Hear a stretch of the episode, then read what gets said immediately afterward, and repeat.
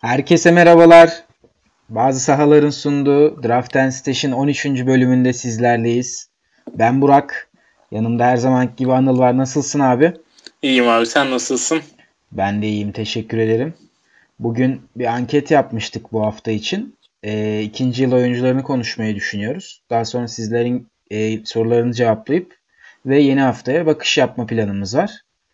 E, anketin sonuçlarını gördün mü? 56'ya pardon 54'e 46 çıkmıştı. Evet yakın ee, geçti. Bu demek oluyor ki önümüzdeki haftalarda bir de çaylaklara program yapabiliriz. Aynen. Aynen. Bugün de istiyorlarsa bir tane çaylakta konuşabiliriz mesela böyle ikinci yıl oyuncularını konuştuktan sonra. O zaman hiç vakit kaybetmeden ikinci yıl oyuncularına geçelim mi? Geçelim. Evet. ikinci yıl oyuncularında en üstte bizim e, sıralamamıza göre yine bir Philadelphia'lı oyuncu var. Ben Simmons. Bir an Kimileri... Markel Fultz diyeceksin diye heyecanlandım yani. Kimileri Ben Simmons'ın çaylak olmadığını düşünüyor ama Donovan Mitchell gibi oyuncular. Senin görüşlerin ne? Yani pardon, Hangi geçen... konuda? Ben Simmons konusunda mı? Ben Simmons'ın ikinci yılıdır konusunda mı? Ee, ikisi de abi. Hem ikisi Ben Simmons'ı değerlendirsen hem de bu adam ikinci yılında mı, üçüncü yılında mı nedir bir öğrenelim. Tamam. Şöyle. E, bunu kim söylemişti? Brett Brown Embiid için mi söylemişti? Geçen podcast'te de konuştuk. E, lige gelip bir yıl antrenman yapmak, bir yıl profesyonel oyuncularla birlikte geçirmenin çok fazla artısı oluyor o noktada. Hani ben bu yıl Fultz'u çaylak gibi görmüyorum. O yüzden hani bir yılını NBA'de geçirmiş. Yeni sezonuna başlamıyor demişti. Bence Ben Simmons için de geçer. Sonuçta Ben Simmons e, ilk sezon draft edildiği sezon sakatlığını atlattıktan sonra Ocak ayı gibi falan antrenmanlara çıkmaya başlamıştı. E, daha fazla vakit geçirdi NBA'de Simmons. O yüzden ne tam ikinci yıl oyuncusu olarak görüyorum ama üçüncü yıl oyuncusu olarak da görmüyorum doğal olarak Simmons'ı. Tam arada bir yerde. Ama bunun şeylerini görüyor Simmons kesinlikle. Ee, Avantajlarını. Nasıl denir? Avantajlarını kesinlikle görüyor. Ee, Simmons'a bence son iki hafta için bakalım. Özellikle Butler takasından sonra. Ee, Butler takasından sonra abi Simmons sanırım e, 9 kategoride ilk 70 içine girmeyi başarmıştı. Onun oyunu birazcık e, üçlükte top kaybında ve e, serbest satışta sıkıntılı olduğu için e, 9 ket rankinglerinde aşağılarda kalıyor ama yukarılara çıkmaya başlamıştı. Hem de bizim tahmin ettiğimizin aksine e, Butler takasından sonra daha iyi oynamaya başladı Ben Simmons. Senin bununla ilgili bir e, sebep olarak gördüğün bir nokta var mı? Neden Simmons Butler takasından sonra beklediğimizin aksine daha iyi oynuyor? Abi e, Simmons'ın neden daha iyi oynadığına dair bir fikrim şu açıdan yok. E, asist rakamlarının düşmesini beklediğim yerde ben arttığını gördüm. E, bunun sebebini de ben yani bir temele dayandıramadım açıkçası. Onun yanında e, en büyük artıyı galiba e, şut yüzdesinde sağladı Simmons e, oyunundaki. Bunun sebebi olarak da ben Butler'ın gelmesinin sonucunda savunmanın e, odağının diğer oyunculara kayması, Butler'ın da yani göz ardı edilemeyecek bir noktada savunmada e, önemli bir yer tutmasının ötürü Simmons'ın üzerindeki yükün biraz daha paylaşılmasından kaynaklı olduğunu düşünüyorum. Sonuçta Şaric, Covington gibi şutörlerden ziyade Butler gibi hem drive edebilen hem şut kullanabilen bir süperstarın varlığı e, Simmons'ın elini biraz rahatlatmış görünüyor. Bu süreçte e, Embiid biraz yoruldu Philadelphia'da. O nedenle hatta son maçta da oynamadı. E, sanki bizim beklediğimiz şey Embiid'e yansıdı biraz. Ee, bugün ben de bir makale gördüm tam bu şeyi konuşmadan önce. E, podcast'e girmeden önce henüz okuyamadım. E, Embiid'in aslında biraz Butler'ın Butler sebebiyle e, oyununun etkilendiğinden bahsetmiş Embiid, e, Philadelphia'lı bir gazeteci. Onu bu podcast'te okuyup artık diğerinde e, dinleyicilerimizle paylaşırım ama bir ona bakmak lazım. E, biraz şeyde olduğundan bahsediliyordu. Twitter'da altındaki yorumlar hani bu clickbait dediğimiz hani başlığı böyle çok çarpıcı göz alıcı, başlık. çarpıcı yapıp içerik aslında başlığı yansıtmıyor şeklinde bir yazı gibi gördüm ama yine de okumaya değer diye düşünüyorum. Ee, onun dışında benim Ben Simmons'la ilgili bahsetmek istediğim tabii ki hala şut atmıyor Ben Simmons. Hala hiç üçlüğü yok. Ee, onun haricinde serbest satışları da gelişmemiş gözüküyor. Bu yılda %57 ile atıyor ve son iki haftada Butler geldikten sonra özellikle 4.2 top kaybıyla oynuyor. Hani ben Simmons elinizdeyken e, bu üç kategoriden e, ikisini kurtaramayacaksınız gibi duruyor. Yani turnover ve serbest atışı kurtarmak Ben Simmons'ı seçtiyseniz çok zor gibi gözüküyor. Üçlüyü yine yüksek üçlük atan oyuncuları seçerek Ben Simmons'tan sonra kapatabilirsiniz ama e, serbest atış ve top kaybı kapa- kapatamayacaksınız Ben Simmons'ın verdiği zararlardan dolayı.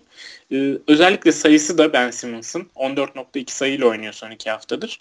Üçlük atamadığı için hala ve serbest atış yüzdesi düşük olduğu için e, upside'ı çok yukarıda değil sayı ortalamasının Ben Simmons'ın.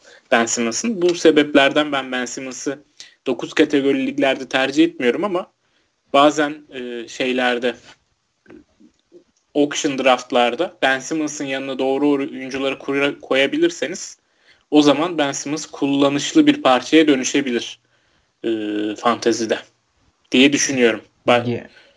Eklenecek bir şey göremedim ben bunun üzerine abi. Gayet hani her zamanki Ben Simmons konuşmaları. Ee, Aynen. Buradan istersen ikinci oyuncumuz Jason Tatum'a geçelim. Geçelim. Jason Tatum'da Ben Simmons'ın aksine e, verimlilik konusunda bir e, örnek teşkil ediyor bana kalırsa. Boston kötü başladı sezonu ama Boston kötü başlayan sezonunda e, Jason Tatum aslında e, kaldığı yerden devam ediyor geçen sene. Aynen kaldığı yerden devam ediyor. Sezona biraz düşük yüzdelerle başlamıştı hatırlarsın ama onları çok güzel toparladı. Şu anda da Boston'ın hücumdaki ikinci skor opsiyonu gibi duruyor. Evet yani geçtiğimiz sene 13.9 e, sayı ortalamasıyla kapatmıştı sezonu. Bu sene 16.3'e çekti. Üçlüğünü arttırdı. Reboundunu arttırdı. Asistini arttırdı. Steal'ini arttırdı. Blok zaten yarım blok civarında yapıyordu. Yine yarım blok civarında yapmaya devam ediyor. Yani e, ve Jason Tatum açısından en önemli artılardan biri de çok düşük top kaybına sahip olmasıydı. Geçtiğim sezon 1.4 bu sene de 1.5'ti. Yani Tatum aslında e, klasik bir ikinci yıl oyuncusunun yaptığı e, ince ayarlamaları yapmaya başlamış ve e, NBA'de yerini ve rolünü oldukça hani sağlamlaştıran bir seviyeye doğru ilerliyor diye düşünüyorum ben. E, usage rate'i de 19.5'tan 22'ye çıkmış durumda geçen seneye oranla ama e, ben e, Jason Tatum'dan yine benzer katkının devam edeceğini ve e, Boston'ın hücumunda belki playoff'a doğru yaklaştıkça biraz daha keskinleşen e, sayı, rebound e, ve verimlilik yani yüzdelerinin daha yukarılara çıkabileceğini düşünüyorum. Ama bunların dramatik bir yükseliş göstereceğini düşünmüyorum. Yani Jason Tatum bu sene ilk 50'deki yerini koru, koruyarak devam edecektir. Ben de kesinlikle katılıyorum. Biliyorsun ben seviyorum verimli oyuncuları. Yüksek serbest satış, yüksek sağ isabeti ve düşük top kaybı.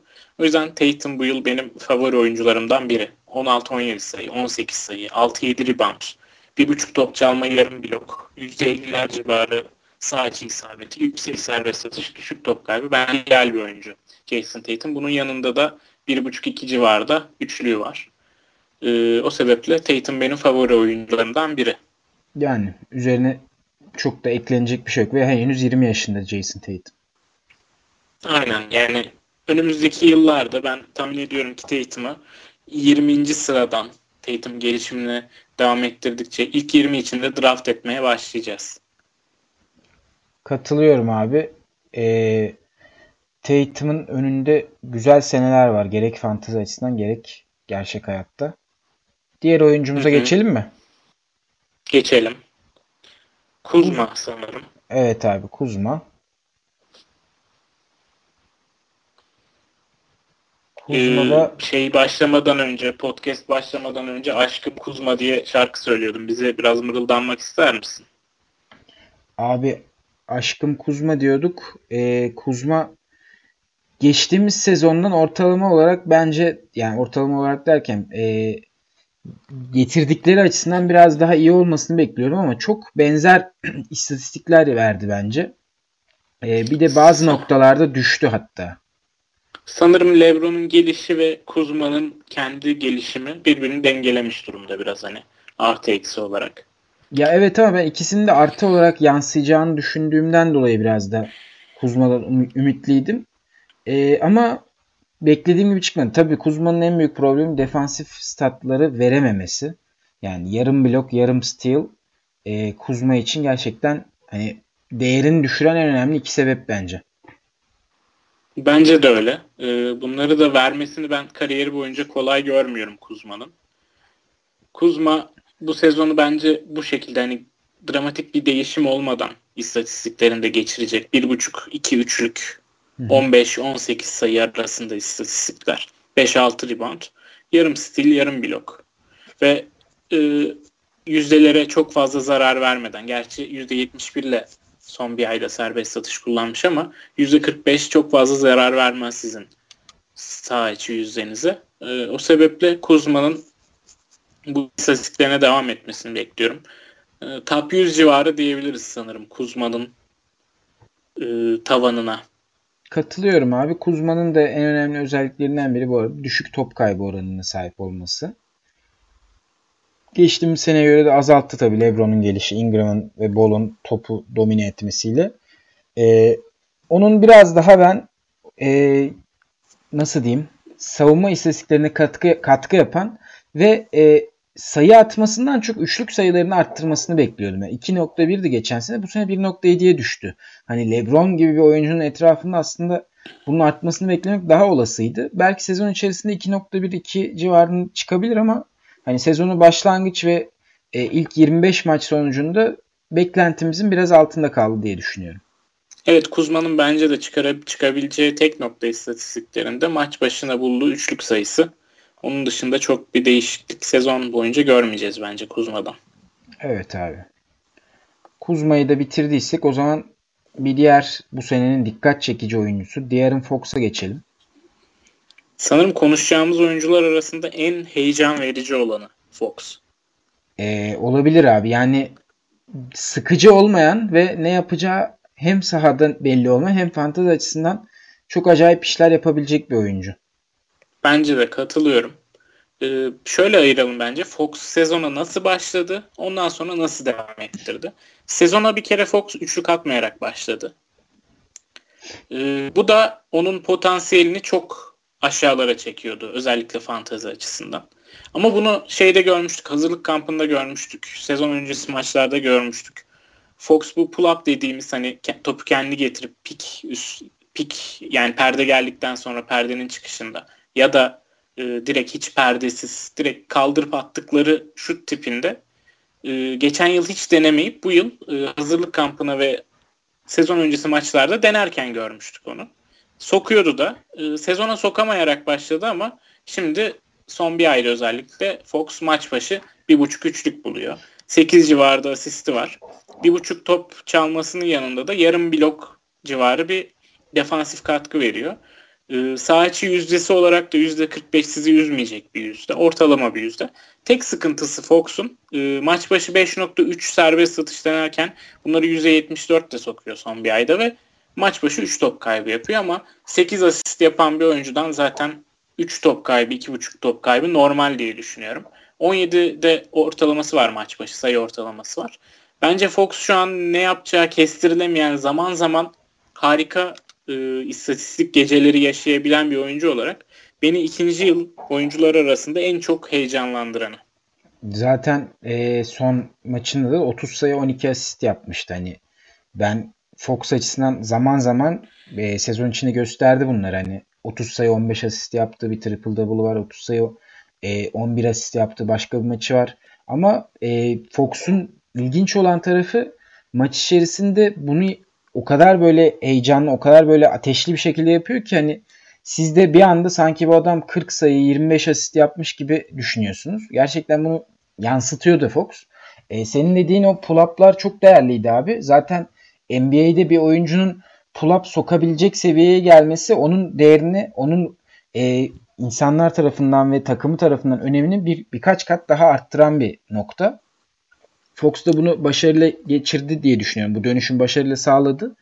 E, John Wall tarzı bir e, oyun göreceğiz diye düşünüyorum Fox'tan. Umarım sonu benzemez diyelim. Ya sonu benzemez de Wall'u bence biraz fazla gömüyoruz. Yani son iki yıldır biraz Wall. Abi ee, bir de takımla da çok kaynaklı. Tabii yani canım, takımın ya ben... bütün sorunları Wall mu yoksa takım çok, çok büyük kötü bir sorunu de, Wall. Evet çok büyük bir sorunu Wall takımın ama bütün hani Wall Washington'dan gitse her şey güllük gülistanlık olacakmış gibi düşünüyoruz. Ee, yani 40 milyon dolar alacağını düşünürsek evet aslında. ya olmayacak işte bence onu söylüyorum. Yani. Ee, uzun yıllar yine lotarya kovalayacak bir takıma dönüşecek Washington. Yani tabii şey değil. Neyse konudan sapmayalım da. E, Fox deyince akıllara direkt Wall geliyor. Bir anda Washington konuşmaya başlıyorsun. Evet yani Fox, Wall bunlar benzer tipte oyuncular. O zaman buradan Donovan Mitchell'a geçelim de ben birazcık tavanı sınırlı fantazide falan diyeyim. Ee, geçelim abi. Donovan Mitchell konuşmuştuk zaten geçen bir soru iki hafta önce falan bir soru üzerine konuşmuştuk herhalde. Evet seni dinleyelim. Ne düşünüyorsun Mitchell hakkında? Vallahi yine söyleyeceğim. Tavanı sınırlı Mitchell'ın. Çünkü Mitchell'ın iyi yaptığı şeyler var. Ortalama yaptığı şeyler var. Ee, iyi yaptığı şeylerden biri sayı. 20-25 civarı arasında bir sayı ortalamasıyla bitireceğini bekliyoruz. Biliyoruz zaten Mitchell'ın. Ee, stil olarak geçen yılda yapıyordu zaten bir buçuk top çalmayı. Bir buçukla iki arasında top çalacağını biliyoruz Mitchell'ın. 2 civarı, 2.5 civarında üçlük atacak. Bunlar okey. Hepsi güzel. Böyle istatistik kağıdına baktığında güzel güzel duruyor bunlar. Ama onun yanında düşük rebound ve düşük asisti. Düşük sağ içi yüzdesi. Ve yüksek sayılabilecek top kaybı diyelim. Ee, bunlar Mitchell'ın tavanını sınırlandıran, top 50 civarında sınırlandıran istatistikler. Ben bunların değişmesini bu yıl beklemiyorum. Çünkü hem içinde bulunduğu takım Utah e, hem ikinci bir skorerleri yok Mitchell dışında. Hani böyle direkt kağıt üstünde ya da sahada baktığınızda Mitchell'ın üstünde bütün ilgi, rakip savunmaların bütün ilgisi Mitchell'ın üstünde. Hem de e, takımda Mitchell'ın yani öyle bir hücum düzenleri yok. Mitchell'ın asist sayılarını arttıracak ya da Mitchell'ın rebound sayılarını arttıracak bir oyuncu grubu veya düzenleri yok. O yüzden Mitchell'ın bu düşük asisti, düşük reboundu düşük sağ içi isabet yüzdesi ve yüksek top kaybı Mitchell'ın e, fantazideki tavanını bence sınırlıyor 50'lerde. Utah sistemi değişmedikçe ya da Utah'ta kaldığı sürece Mitchell'da veya bu oyuncularla birlikte oynamaya devam ettikçe Gobert olsun, Rubio olsun, Ingles olsun Mitchell'ın tavanını ben buralarda görüyorum. Mesela diyorum ya Tatum için önümüzdeki senelerde ilk 20'ler 25'leri konuşabiliriz draft için. Bence Mitchell için bu bu sene konuşuldu ve bu bir geçen yılın hype'ının ürünüydü. Geçen yıl Donovan Mitchell çoğu ligde yerden alındı ve yerden alınan bir oyuncuya göre harika oynadığı için bu yıl sanki çok daha fazla üstüne koyacakmış gibi düşünüldü. Bu yani yıl gö- aslında... görüldü ki koyamayacak.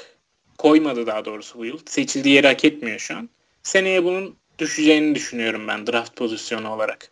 Yani ben de katılıyorum. Daha bir şey çok kötü bir beklenti ya da yanlış bir beklenti değildi aslında. Çaylak bir oyuncunun geçen sene e, ilk 30'da bir performansla bitirmesi, ilk 40'ta bir performansla bitirmesi ve çaylak olduğu için ikinci yılında bu oyuncuların çok daha ileriye gideceğini düşünmek kötü bir fikir değildi ama Mitchell'ın problemi hep şeydi. Yan stat verememek. Yani steal, sayı ve üçlük dışında e, çok ciddi artısı olan başka bir yeri yok yani Mitchell'ın. Belki ya benim... FT'si diyebiliriz ama o da çok yükseltmiyor. Sadece ortalamanın üstünde biraz üstünde atıyorsun. Sen bu e, üçlük atıp sayı atıp ama yan statları vermeyen oyunculardan bahsediyorsun ya işte CJ McCollum olsun, Clay olsun. Evet. Bence Mitchell da bunların arasında. Kesinlikle. Senin bu düşünce tarzından yola çıkıp ben de e, bu şey işine bakmaya başladım bu yıl. Stat setlerdeki işte o defolara bakmaya başladım. Çok çok bahsediyoruz bundan. Sexton'da bahsediyoruz. Shai Gilgis Alexander'da bahsediyoruz. Gerçi Shai Gilgis Alexander biraz üstüne koymaya başladı o noktada. Neyse onu haftaya konuşuruz.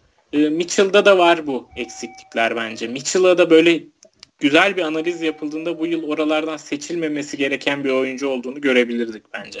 Evet aslında e, Bahsettik üzerine, de. Üzerine biraz düşünme düşününce fark ediyorsun ama hani ilk bakışta Mitchell üstüne koyar diye e, düşünmüştük ikimiz de açıkçası. Yani daha doğrusu ama, ilk 20 değil de hani benzer performans verebilir. 20 sayı, 4 rebound, 4.5 asist gibi ama ha, tabii, bunun altında ama kaldı. Bunun yeri bunun altında da kaldı ama bunun yeri de seçileceği yerler 40'lar 50'ler yani. Evet. Yani. Şey var. E, ne diyecektim ya unuttum. Aslında Mitchell'la ilgiliydi ya. Aslında düşündük de hani şeyi. e, buralardan seçilmemesi gerektiğini. Yok Ama, yani zaten heh, hatırladım. Heh. Draftta en büyük karar verici yani karar verme mekanizmasında bir oyuncuyu nereden seçeceğinize dair en büyük karar verme mekanizması genelde hype olduğu için oralardan gidebiliyor işte. Evet. Bu işte e, dikkat etmek gereken bir nokta.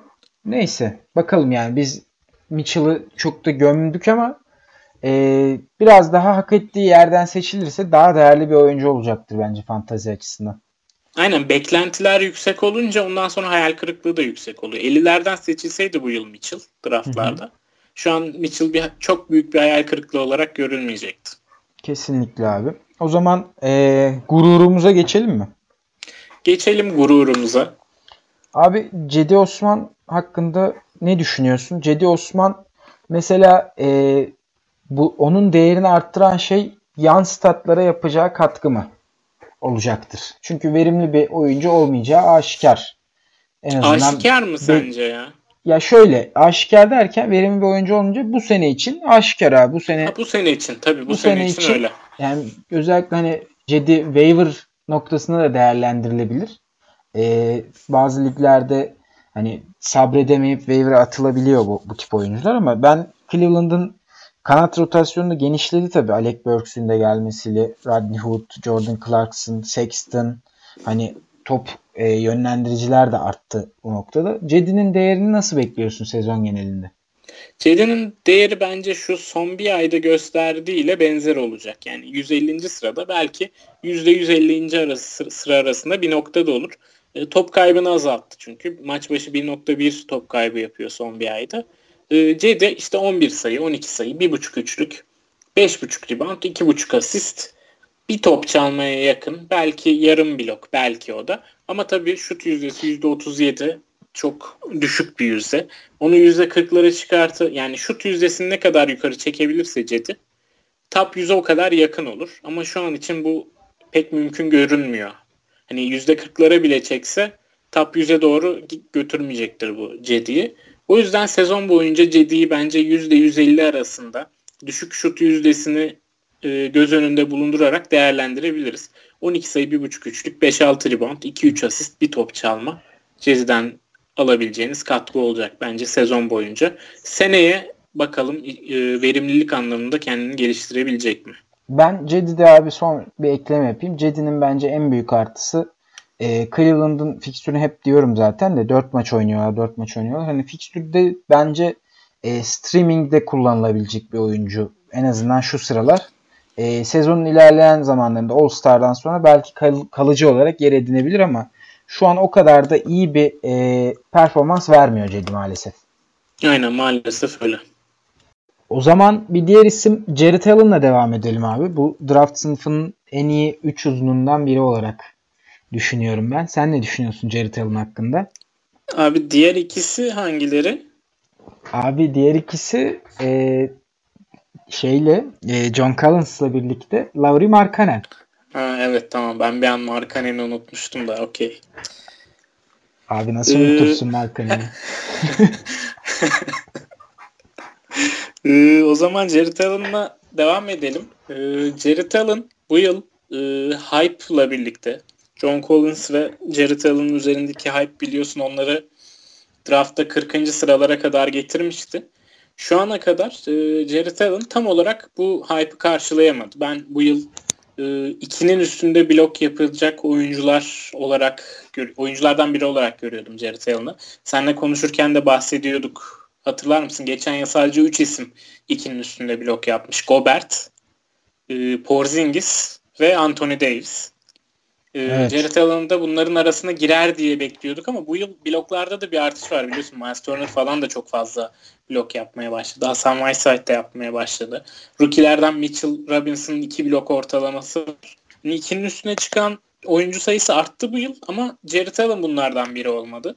Sen bekliyor musun Jared Allen'ın bu sezonun kalanında oralara gelmesini? Abi ikinin üstünde kalması bence yani ikinin üstüne çıkması bence çok kolay değil. Zaten e, demek oluyor ki 25 maç sonunda 1.4 yapmış. Yaklaşık e, 2.5 civarında bir ortalama tutturması gerekiyor kalan sürede de. E, bunu ben pek 2.5 da değil hatta biraz daha fazla. Bunu ben, ben pek e, olası görmüyorum. E, o nedenle ben Jared Allen'dan ilk 50'den ziyade ilk 40'tan ziyade ilk 75'e daha yakın bir performans bekliyorum. E, istatistik açısından da ben birkaç sayı ve birkaç rebound daha iyiye gideceğini düşünüyorum. Onun da sebebinin 28 dakika olan ortalamasının sezon sonuna doğru 30-32 civarlarında olmasıyla açıklıyorum bu durumu da. Oynatır mı Brooklyn Jared Allen'ı 30 dakikanın üstünde? Bence oynatmaları lazım artık ama. Abi oynatır mı? Bence oynat bence de oynatmaları lazım. Bence oynatacaklardı. Çünkü e, orada ben e, şeydi e, bu Brooklyn kısa beşleri kullanmayı seviyor koç Kenny Atkinson ama zaman zaman Rondale Jefferson falan beşte değerlendiriyor. E, ben orada pota altında Jared Allen'ın arkasında durabilecek yani herhangi bir oyuncunun ondan süre çalabileceğini, süre alabileceğini düşünmüyorum ki Jared Allen da daha 20 yaşında. Bence kesinlikle oynaması lazım. Yani bir oyuncuyu oynamadan geliştirmenin mümkün olmadığını düşünüyorum ben. Ya Ed Davis biraz iyi bir oyuncu. Ben seviyorum Ed Davis. Ya Tam bir şöyle abi. Pilot. Bir playoff kovalayan bir takım için tabii ki ama playoff kovalamayan bir takımda Ed Davis'in yerini nasıl değerlendirebiliriz ki? 30 yaşında birisi yani Ed Davis. Ya tabii yer olarak değil de hani Brooklyn şeylere süre veriyor ya veteranlara süre vermeyi seviyor. Hı hı. O kadar genç oyuncularına çok fazla dakikalar vermiyor. Russell'a da vermiyorlardı. Leverte de bu yıl 32 dakika falan veriyorlardı. Belki Jared Allen'ın da o yüzden süreleri 30 civarında kalabilir gibi düşündüm. Ee, onun dışında şey diyecektim ya ben Jared Allen'la ilgili. Aslında bu yıl üçlük atmasını bekliyorduk Jared Allen'ın. Yazın bunu geliştirdiği çok konuşuldu. Jared Allen böyle maç başına bir üçlük falan atsa fantasy unicornlarından biri haline gelebilir. Bence bu stat seti stat sete sahip bence Jared Allen. Gelecek yıllar açısından da nasıl düşünüyorsun Jared Allen'ın yerine? Abi e, ben de bu konuda ümitliydim ama baktığımda Jared Allen zaten kariyerinde 20 defa üçlük atış denemiş. Geçen sene de e, çok az sokmuştu zaten. E, 20 üçlük deneyen bir oyuncudan da ben en azından önümüzdeki seneye kadar herhangi bir şey beklemiyorum. Önümüzdeki senede ne olur? Hani Brook Lopez tarzı bir değişim, dönüşüm yaşar mı diye soruyorsun. Ama sanki e, oyun tarzı buna çok izin verecek bir oyuncu değil. Jared Allen biraz daha uzun kollarıyla ve atletliğiyle daha çok e, iş yapacak bir oyuncu gibi. Yani aslında şey nasıl diyeyim klasik bir uzun e, vücuduna sahip ama aynı zamanda o, o uzun vücuduna göre çok da hareketli bir oyuncu. E, bu nedenle ben üçlük atıp hani spot up bir şutör olabileceği noktasında çok umutlu değilim ama bunu eklemesi Jared Allen'ı zaten bir değil 2-3 seviye yukarıya çıkaracaktır. Ben ama ben kolay şuradan, kolay ekleyebileceğini düşünmüyorum abi. Ben şuradan e, bu konuyla ilgili bir fikre kaldım. Brook Lopez'i üçlük atmaya ikna eden, daha çok üçlük denemeye ikna eden koç Kenny Atkinson olmuş. O Brook Lopez Brooklyn'deyken e, Kenny Atkinson'da koçlarıyken ikna etmiş Brook Lopez'i daha fazla üçlük denemeye. Bu ilk sezonu Brook Lopez'in işte maç başı bir üçlük bile denemediği hani toplam sezonda 13'lük deneyip ondan sonraki sezon üzeri 160 tane üçlük denediği sezon Kenny Atkinson'la alakalıymış bu durum yani. Jared Allen'da da bence bu şutör durumu var. Yani şut atmaya müsait bir şut stili var. Bunu gerek serbest satış yüzdesinden de anlayabilirsiniz. Genelde e, kolejden çıkan oyuncuların serbest satış yüzdesiyle ileride NBA'de üçlük atışlarında ne kadar başarılı olabilecekleri şey yapılıyor. E, korelasyon gösteriyor. O sebeple bence Jared bu potansiyel var. Jared Allen sırf poten, bu potansiyelden dolayı gelecek yıl draftlarda özellikle bu sezonu da ilk 75'te bitirirse ilk 40'lar üzerinde ilk 40'larda seçilip de 75'te bitirirse ben Jared Allen'ı böyle 60'lara 70'lere sarkarsa sırf bu potansiyeli üstünden draft etmenin seneye mantıklı olabileceğini düşünüyorum. Burada not düşelim. Yazın tekrar konuştuğumuzda draft zamanları bunları tekrar hatırlatırız. Burada bir not düşmüş olarak dursun. Abi ben şeye baktım şimdi bir hemen hızlıca. Shot chart'ına baktım hani şut e, nerelerden atmış diye. Ya boyalı alanın dışında yani bu long two dediğimiz hani uzun ikilikleri denememiş bile neredeyse geçen senede bu senede. E, o yüzden biraz daha range'ini hani zamanla arttırabilir mi bir anda ondan emin değilim. O yüzden biraz da şüpheliyim ben. Anladım anladım. Brooklyn'le de alakalıdır muhtemelen bu long two'ları denememesi. Tabii tabii. Ama bence Kenny Atkinson onu bu konuda şey yapıyordur. Ee, nasıl derler? Cesaretlendiriyordur. değil de cesaretlendiriyordur aynen. Evet abi olabilir. Olabilir. Yani zaman gösterecek ama bu sene özelinde e, benzer şu ankine benzer bir performans bekleyebiliriz ve bence düşmesini Aynen. ben pek mümkün görmüyorum. Ben hani düşecek bir daha iyiye gidecektir zaten. yani. Hani bundan sonra daha iyiye gidecektir. Daha kötüsü olmayacaktır. Serbest satış yüzdesini topluyor zaten. Daha iyi olacaktır aynen. O zaman e, bir diğer oyuncuya geçelim. Lonzo Ball. Lonzo Ball e, arkadaşlar Lonzo Ball'u Rondo döndükten sonra waiver'a atabilirsiniz.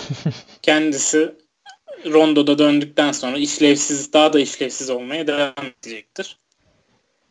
Çok iyi oynamadı ya. Beklediğimiz hani o geçen yıl ilk 70'lerde 75'lerde olan Lonzo'yu Rondo'nun sakatlığından sonra görürüz diyorduk ama son iki haftaki istatistiklerine bakıyorum.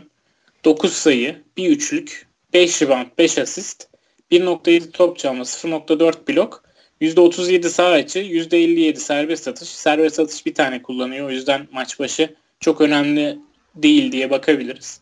2.3'te top kaybı. Hani üçlüyü çıkarsan Evan Turner'dan benzer bir katkı bulabiliyorsun. Hani Abi çok doğru bir noktaya parmak bastın. Hadi belki Steel'ı biraz daha iyi Turner'a göre ama e, ben de hani Lonzo Ball'un gerçekten ciddi bir hayal kırıklığı olduğunu düşünüyorum bu sene özelinde. İkinci senesini yaşayan oyuncular arasında geriye gittiğini bile düşünüyorum hatta. Acaba yani gelişim olarak mı geriye gitti yoksa hem LeBron'un hem Rondo'nun şimdi gerçi son bir iki haftadır, üç haftadır Rondo da yok. LeBron'un bu kadar çok sorumluluk alması takımda Lonzo'yu çok mu kötü etkiliyor? Abi mutlaka tabii ki etkiliyor ama bir de şöyle bir durum var.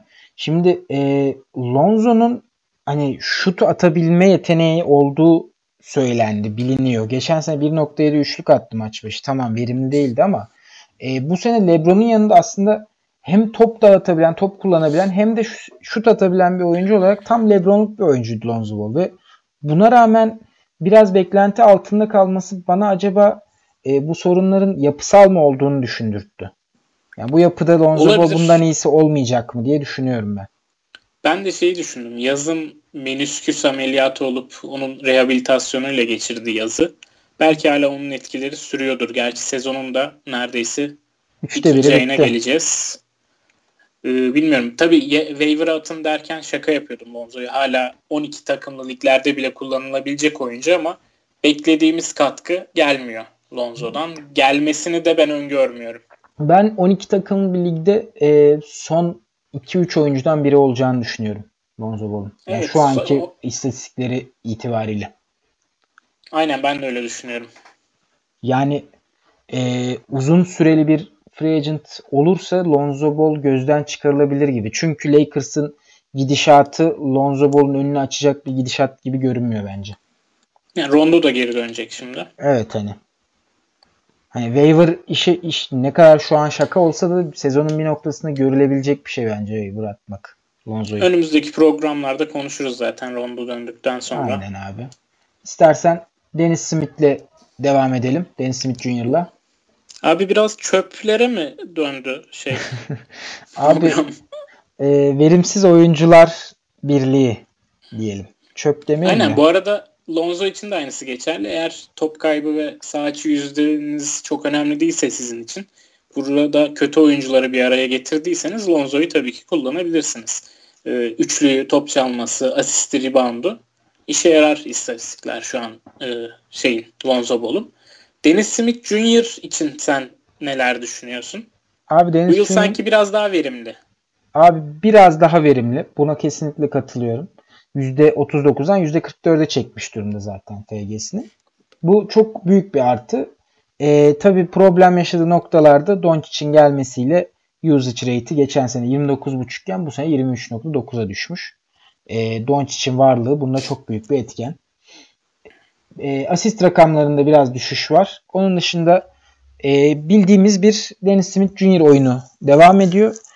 Hani Dennis Smith Jr. da bence Lonzo ile aynı kategoride. Belki e, belirli asist takımlarında asista yaptığı destekle hani maç başı 4-4.5 asist çünkü göz ardı edilecek bir asist sayısı değil.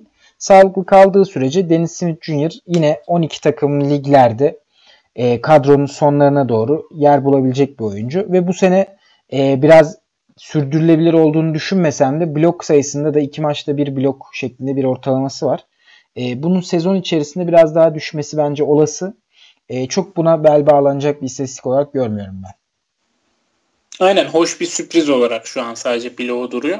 12. 12 takımlı liglerde eğer serbest atış ve top kaybını göz ardı etmiyorsanız ben 12 takımlı liglerde Dennis Smith Jr.'ın tutmaya değer olmadığını düşünüyorum bu arada. 14 ve 16 takımlı liglerde olabilir ama 12 takımlı liglerde ben Dennis Smith Jr.'ı şu anda çok kullanmayı tercih etmezdim. Bu yılın geneli içinde bu şekilde olabilir yani devam edebilir bu durum. Ee, yükselmesini beklemiyorum Dennis Smith Jr.'ın. Başka var mı Dennis Smith Jr.'a ekleyeceğimiz bir şey? Abi benden yana yok sen de herhalde bir şey eklemeyeceksin. Biraz daha ama, aşağılara inelim istersen. Heh. Ama tabii kesinlikle Nilikina yerine seçilmeliydi. O ayrı bir konu. Tabii. O yani Dennis Smith Jr. sıçra pardon yere düşerken problem yaşıyor dediler. Nilikina hani yere düşmedi bile çakıldı. Zıplasaydı iyi olurdu Nilikina ama onu yapamadı. Ee, buradan bu tartışmayı bitirelim abi. Burada çünkü cevap çok basit ve açık. Hı hı. Dikkat çeken bir diğer oyuncu daha doğrusu konuşmaya değer mi bilmiyorum ama Jonathan Isaac hakkında düşüncen var mı? Yoksa aynı yerde mi sezon başıyla ya da sezon ortasıyla? Abi Jonathan Isaac'i ben buraya hileyle eklettirdim. Normalde e, konuşulmayacaktı ama e, sana bazı takaslarda ayrıcalık tanıyacağımı söyleyince hemen ekledin buraya Jonathan Isaac ismini. Ee, evet. Isaac sezonun geri kalanında biraz toparlar gibi. Şu an sakatlıktan döndükten sonra toparlar gibi. Sadece Isaac için şunu söylemek istedim. Isaac'in dakikalarının yükselişi bu bence Mo Bamba ile birlikte olacak. Orlando'nun playoff'tan düşmesine bağlı. Ee, size direkt olarak burada Kaan Kural'ın Sokrates Mutfak'ta söylediği bir sözden bahsedeceğim. Kimse o iki guard ikilisiyle sezonu bu şekilde götüremez dedi. Fournier ve DJ Agustin'den bahsediyordu burada. Bence de çok doğru bir yorum bu. Ben Götüremeyecekler bir, diye düşünüyorum. Ben bir abi kulaklarıma pansuman yaptıracağım. Çünkü Fournier, Agustin ikilisini duyunca kulaklarımdan kan gelmeye başladı. Abi hiç böyle düşünmüyorsun değil mi Orlando'ya bakınca ama gerçekten backcourtları DJ Agustin ve Abi, Evan Fournier. Yani tavanları çok sınırlı. Evet. Neyse geçelim. Bayağı zaman ayırdık ya biz bu Isaac'e. Ee, tamam. Isaac... Altlardan iki oyuncu var. Diğer bu sınıfın en iyi iki uzunu yani Allen'dan Allen'la birlikte. John Collins ve Laurie Markkanen. İstersen birlikte konuşalım bunları. Çünkü sakatlık ikisinde bir süre alıkoydu bu sezonun başında. İkisi de geçen sezonu çok iyi kapatmışlardı. E, ikinci yıl oyuncuları arasında Ben Simmons'la ve Darren Fox'la birlikte Jason Tatum'da sayalım hatta. E, en iyi 5 oyuncudan ikisi diyebilir miyiz? Mitchell'ı da hadi dahil ha, edelim. Donovan Mitchell da var doğru onu da atladım. Hani e, bir de benzerler bence stat setleri olarak. Çünkü gerçi e, Collins üçlük atmıyor. Bu sene başladı atmaya ama Markkanen biraz daha şütör kimliğiyle ön planda. Neler söylemek istersin? Markkanen sezona şütör olarak değil makineli tüfek olarak girdi. Şu an 3.7 üçlük attı ortalama 3 maçında. Zaten kaldırıp kaldırıp atıyor kendisi. Geçen yıl da böyleydi. Bu belli ki bu yıl biraz daha artacak.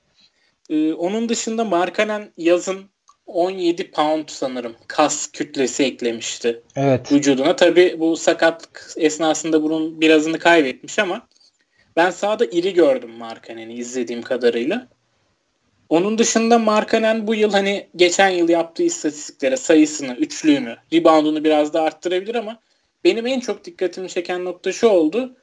Ee, defansif istatistiklerde çok iyi katkı verdi ilk 3 maçta. Ortalama 2 top çalma, bir blok şeklinde. Bunu devam ettirebilirse Markanen potansiyeli ilk 25. Bunu devam ettiremezse geçen yılki gibi 0-5-0-6 noktalarında olursa çok düşük top kaybıyla oynadığı için Markanen potansiyeli top 50 gibi görüyorum ben Markanen'i. John Collins hakkında John Collins'ı bu yıl çok iyi takip etmiyorum ben. Sakatlık dönüşünde de çok bakamadım. Sadece Bloğ'un geri gelmesini bekliyoruz sanırım Abi, şu an. Benim Mark bakabildiğim Kanene, kadarıyla. Mark Kanene söylediğin şeylerin tam tersi. Yani şu e, savunma istatistikleri Mark Kanene'de var dedin, geliyor dedin. Collins'ta da gitmiş. Bunlar geldiği sürece John Collins geçtiğimiz sezonun e, yarattığı bütün o hype'ı, bütün o coşkuyu alıp devam edecektir. Geçtiğimiz sene 24 dakikada 10 sayı 7.5 rebound. Yarım steal bir blok yapmıştı %58'li. FT'ye de zarar vermeyecek seviyedeydi neredeyse. Bu sene FT'yi düzeltmiş görünüyor biraz daha. FGS uçmuş durumda %63 ile oynadı 10 maçta ortalama. Ee, 27 dakika alıyor. 17 sayı 8 rebound. 2.5 asist. Yarım üçlük. Ama dediğin gibi defansif istatistikler John Collins açısından da ilk 40 katkısı vermek için e, bir upside olduğunu bize hatırlatıyor. Asist geçen yıl ne kadar yapmış? Bu yıl 1.3'ten 2.4'e çıkmış abi bu sene. Ben artmasını bekliyorum asistin ya da düşmesini hiç beklemiyorum kesinlikle. 3 civarında bitirebilir sezonu. Abi olabilir. E, zaten yani John Collins'ın geçtiğimiz sezon bu kadar kısıtlı sürede çok ilginç istatistikler yakalaması gerçekten şaşırtmıştı bizi ve e, bu adamın kariyer sayı rekoru 24'müş. Onu da geçen gün attı. Çok ilginç değil mi? Ben bayağı şaşırmıştım. geçen yıl çok atmıyordu ya. Bu yıl Abi, o çok aşama kaydetti sayı konusunda. Asist konusunda da şöyle geleyim. Ee, geçtiğim sezon asist yüzdesi yani asist rate'i 8.9'muş. Bu sene 10 maç sonunda 15.6 neredeyse iki katına çıkmış. Hani bu Sabonis'te konuştuğumuz mevzunun bir benzeri de gerçekleşebilir John Collins'ta. Bu arada Sabonis'te konuştuğumuz bir mevzunun bir benzeri şeyde de olacak diye tahmin ediyorum ben Siakam'da. Siakam evet. da zaten şu an yapıyor. Seneye Hı-hı. daha da artacaktır diye düşünüyorum ben. Doğru söylüyorsun abi. Hemen Siakam'ı da kontrol edeyim ben. Siakam'ın da e, asist rate'i e, 13.5'muş. Geçen sene, geçen sene de oldukça yüksekmiş. Bu sene 12.7. E, son tabi bu sezon genelinde daha detaylı incelemedim. Hani son birkaç haftaya da bakmak lazım. E, ama katılıyorum sana. Yani şeyde Siakam üzerinden yönlendiği oluyor hücumların Toronto'da. Ee, o zaman e, bir isim kaldı mı konuşacağımız? Ha Bogdan var. Bogdan Bogdanovic. Ha Bogdan Bogdanovic var abi. Yani bunu dönüşün sakatlık dönüşünde de biraz değinmiştik galiba. Ee, benim düşüncem geçtiğim sezonla çok benzer bir istatistik kovalaması, istatistik yakalaması. Ee, seviye olarak ilk yüzün içinde o bitireceğini düşünüyorum kesinlikle. İlk yüzün içinde kaldığı sürece de zaten e, her türlü verimli ve olumlu katkıyı sağlayacaktır. Sen ne düşünüyorsun? Ben de potansiyelini ilk yüz olarak görüyorum. Şu an 80'in içinde.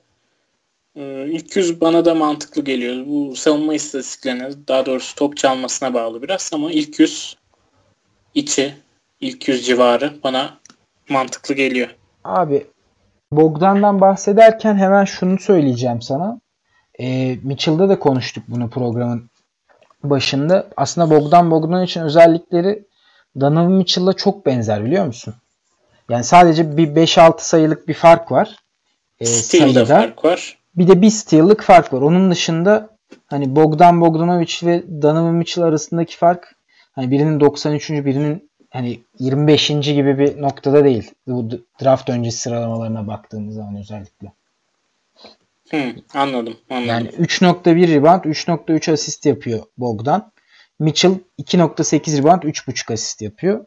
1.9 üçlük Donovan Mitchell'dan 2.2 üçlük Bogdanovic'den geliyor. %42 Mitchell, %44 Bogdan, %93 Bogdan, %80 Donovan Mitchell.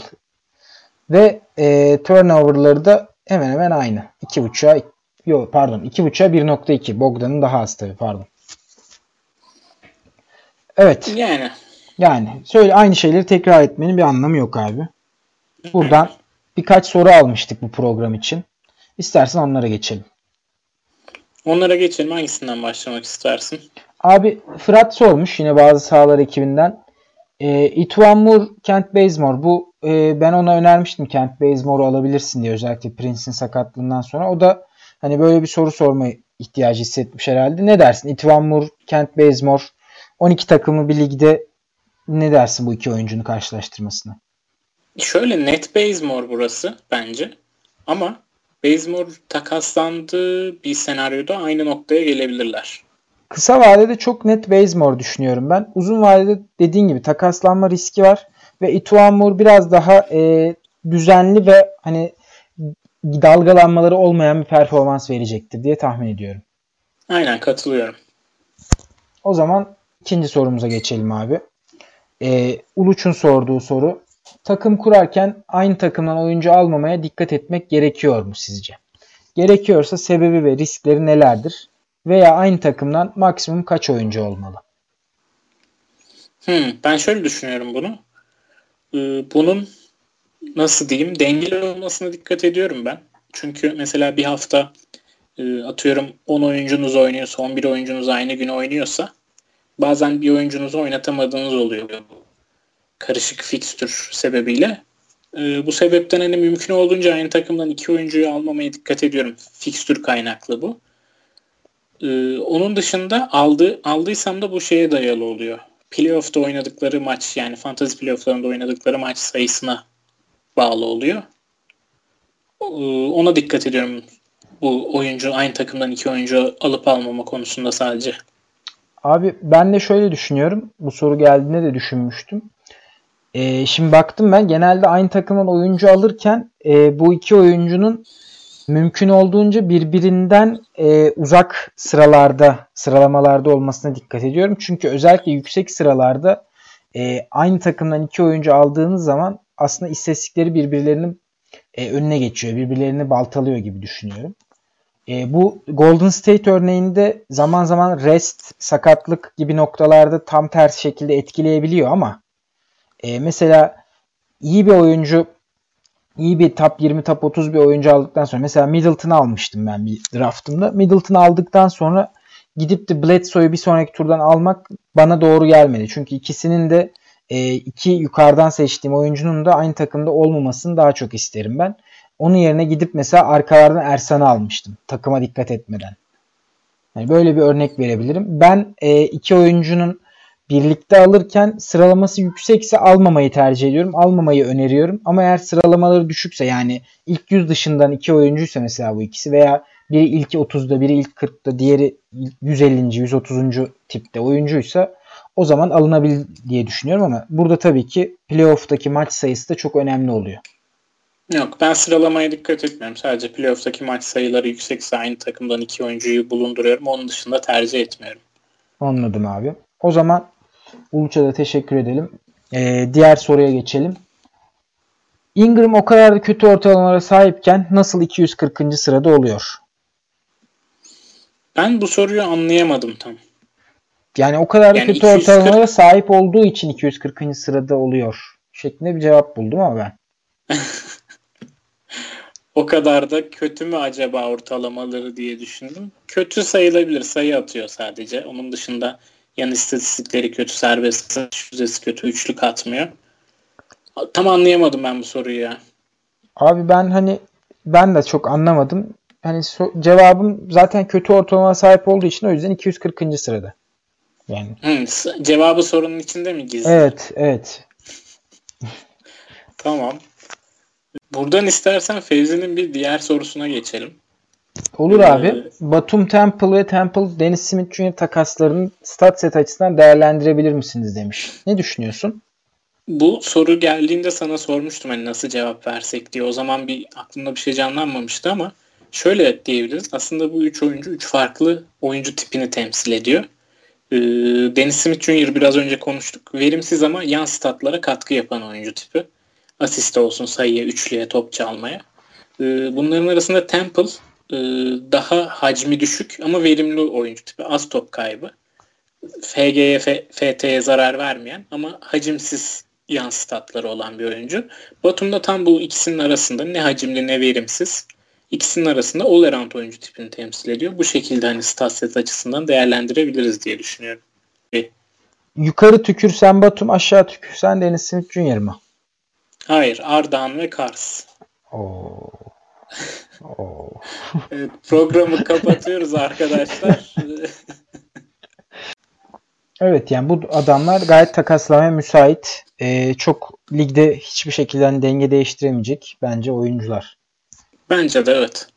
Ee, o zaman güzel bir soru var. Kadirhan sormuştu.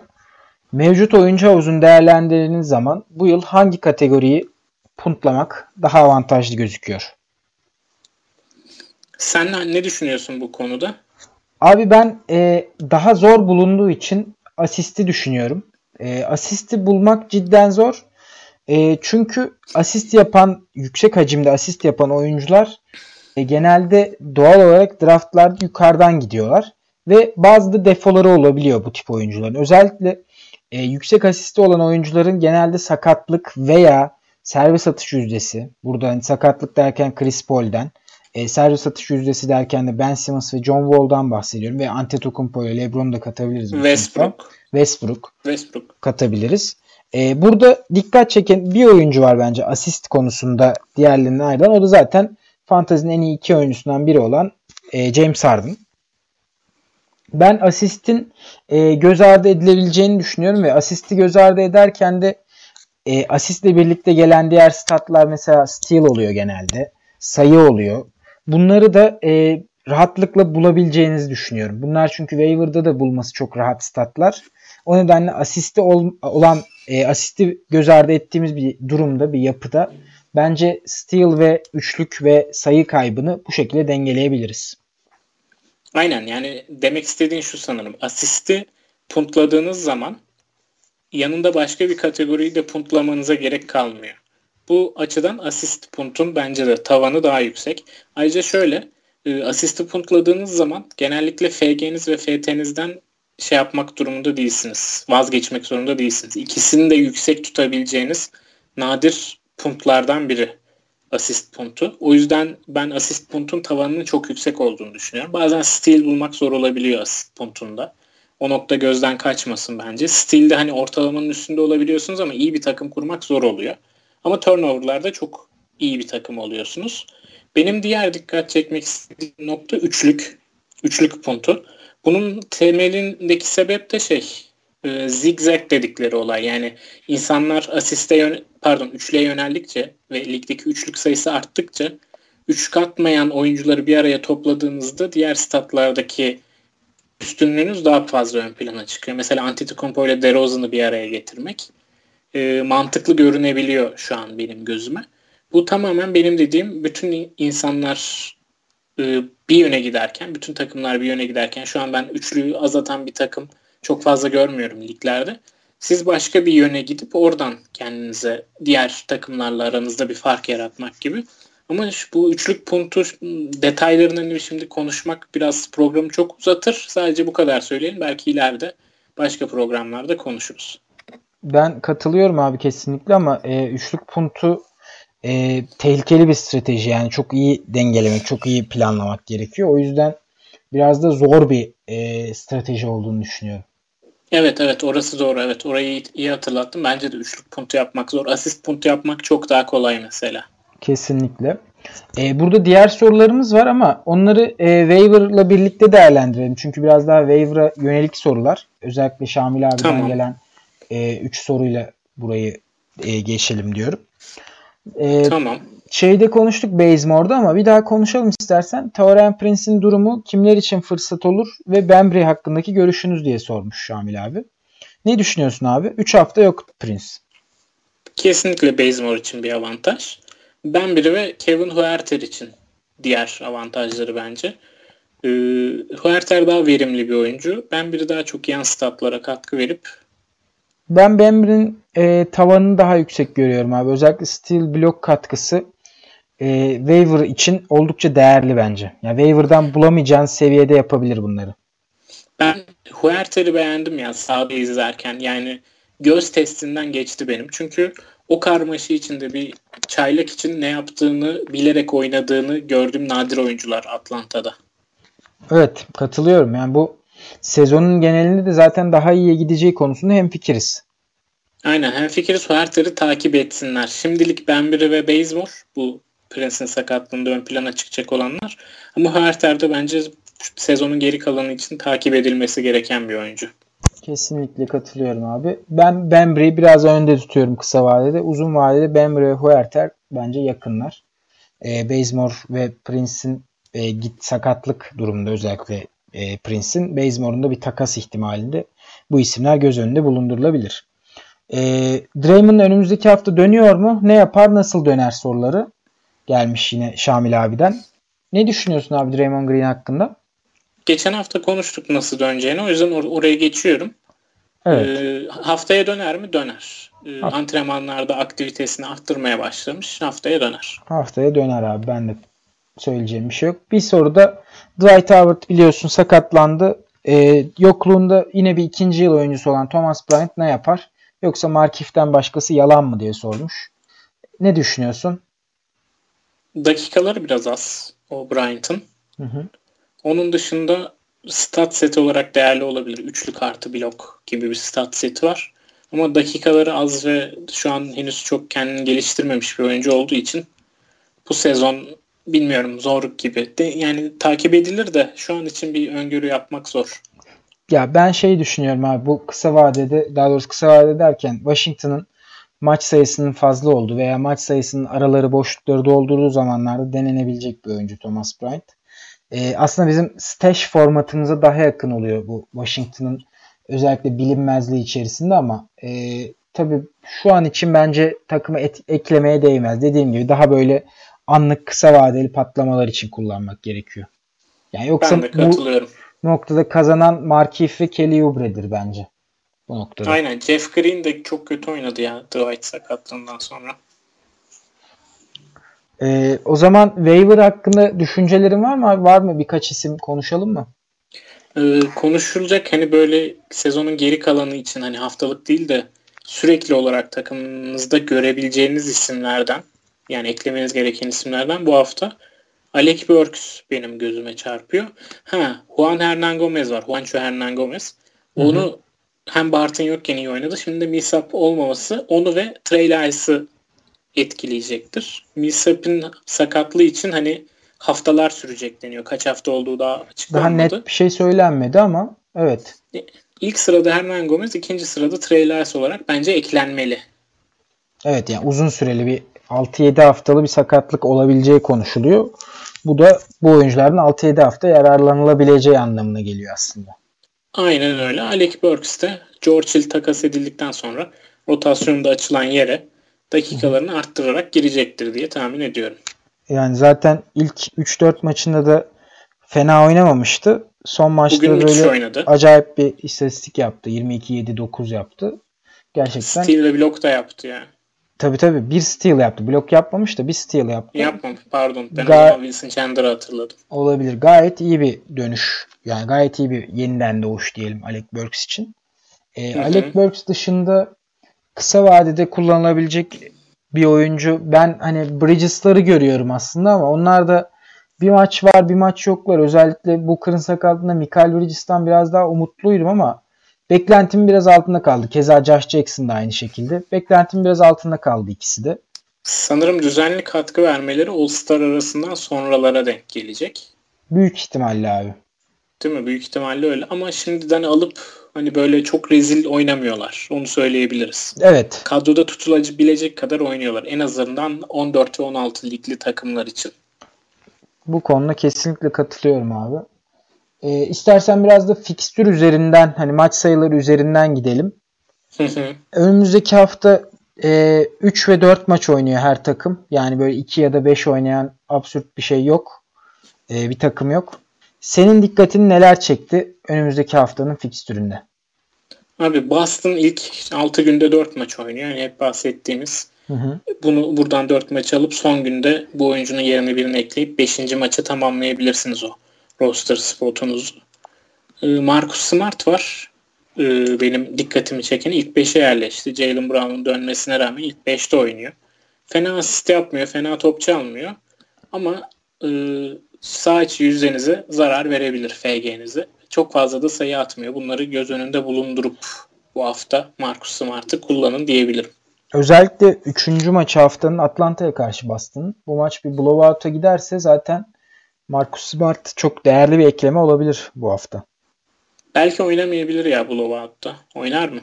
Abi bence oynayabilir ya. Yani Hayward, Kyrie, hani Jalen, Jason, Tatum hani bunların dakikaları biraz daha az olabilir ama yani bu maçın tabii ki gidişatına göre olacak. Sadece şu an birkaç gün önceden bir tahmin yapmak için söyledim bunu.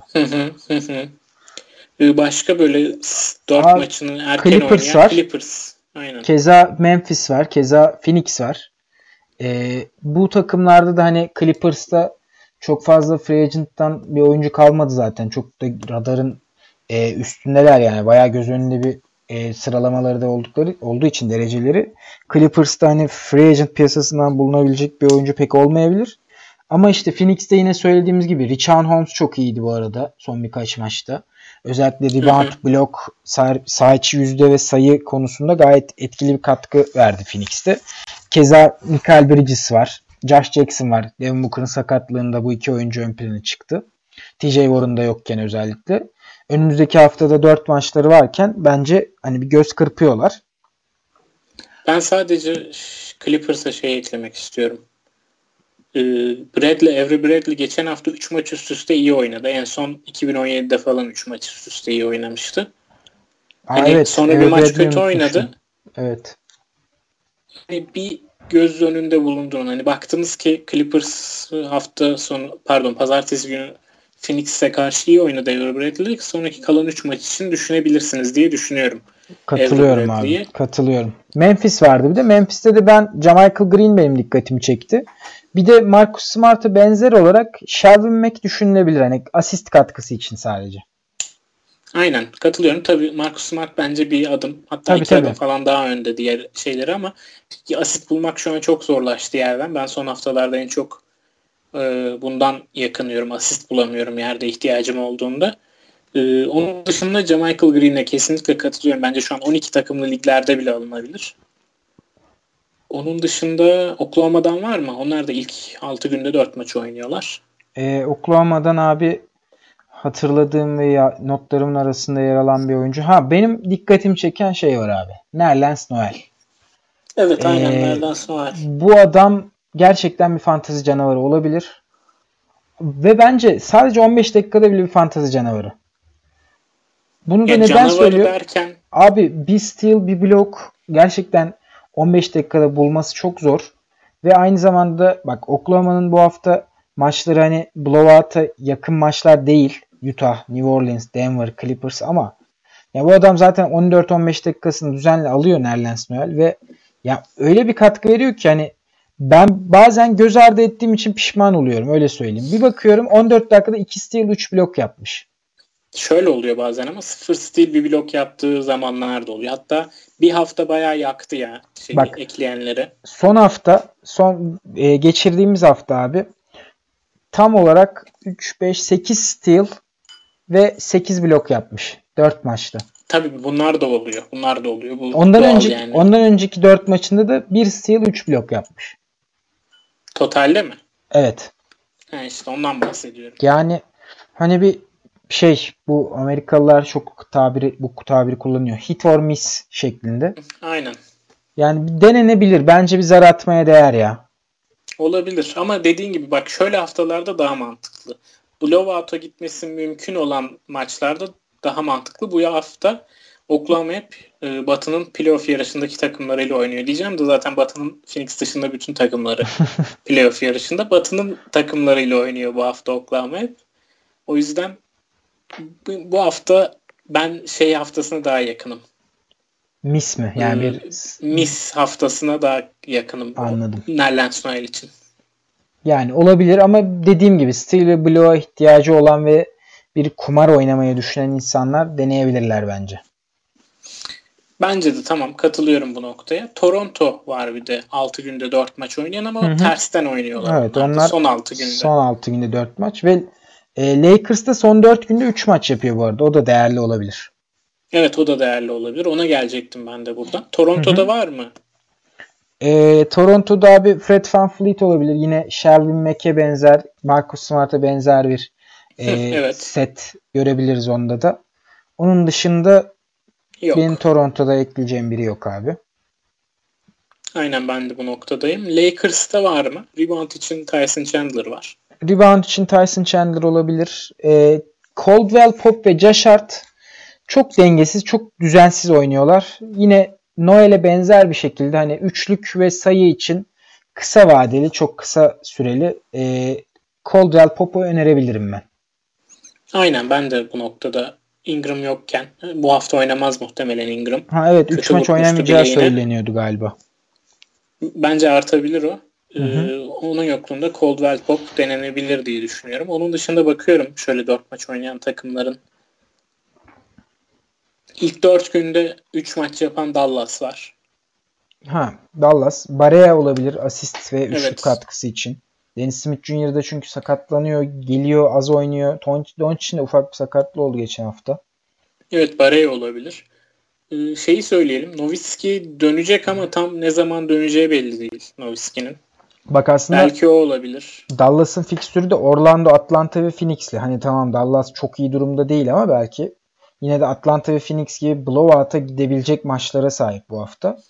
Burada Dwight Powell Dwight Powell e, ilginç bir blok istatistiği olan Maxi Kleber olabilir. Gerçi sakatlığı Kleber vardı sakat. galiba. geçmiş sanırım sakatlığı da bir de şey var. Dorian Finney-Smith var. Ha Dorian Finney-Smith var. Aslında Dorian Finney-Smith güzel bir ekleme olabilir bu hafta. O üçlük ve top çalmadı. Evet. Atlanta ve Phoenix'e karşı iş yapacağını düşünüyorum. Evet Dallas'ın şeylerini sevdim ben bu hafta. Oyuncularını sevdim. Fikstürü güzel. Aynen. Başka fikstürde gözüne çarpan ne var? Abi başka fikstüre gözüme çarpan pek bir şey yok. Notlarım arasında da aldığım bir şey kalmamış. Senin var mı? Aynen. Diğer takımlarınki böyle pazartesiden pazara dengeli dağılmış. 7 günde 4 maç şeklinde. Yani tabii o evet. takımlardan da değerlendirebilirsiniz oyuncuları. Mesela Washington'dan o Thomas O'Brien'i konuştuk. Belki Hı hı. bu hafta değerlendirilebilir. Liginizin çok yokluk çekiyor olması lazım bunun için gerçi ama yerde hiç uzun kalmadı. Bir Joakim Noah var bir de Thomas O'Brien var diyorsanız benim tercihim Thomas O'Brien olurdu ama e, onun dışında bakıyorum Philadelphia Embiid de dinlendi bu hafta. Muskala'yı falan önerebilirdik ama Embiid haftayı dinlenmez Aslında- herhalde. Embiid varken de Muscala fena oynamamış. O yüzden Evet. ben Muscala'da değerlendirilebilir ama hani biraz daha geri planda bence şu an konuştuğumuz diğer oyunculara göre.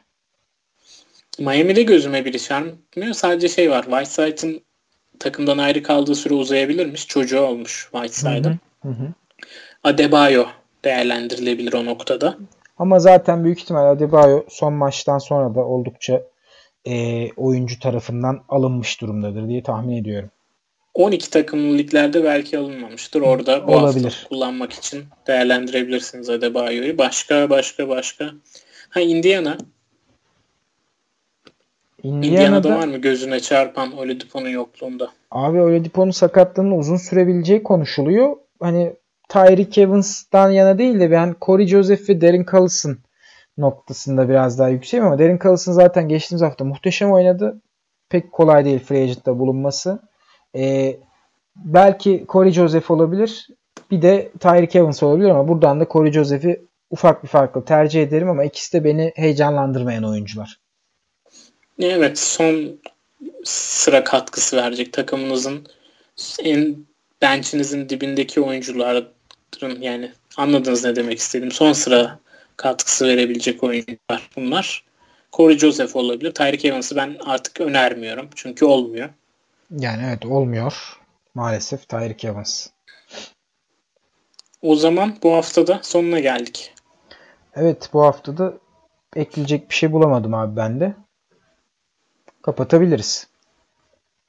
Bizi dinledikleri için dinleyicilerimize teşekkür ederim. Dinleyicilerimize teşekkür ederiz. Sorular için de soru soranlara, dinleyenlere, soru sormak isteyenlere herkese teşekkür ederiz. Hoşçakalın. Hoşçakalın.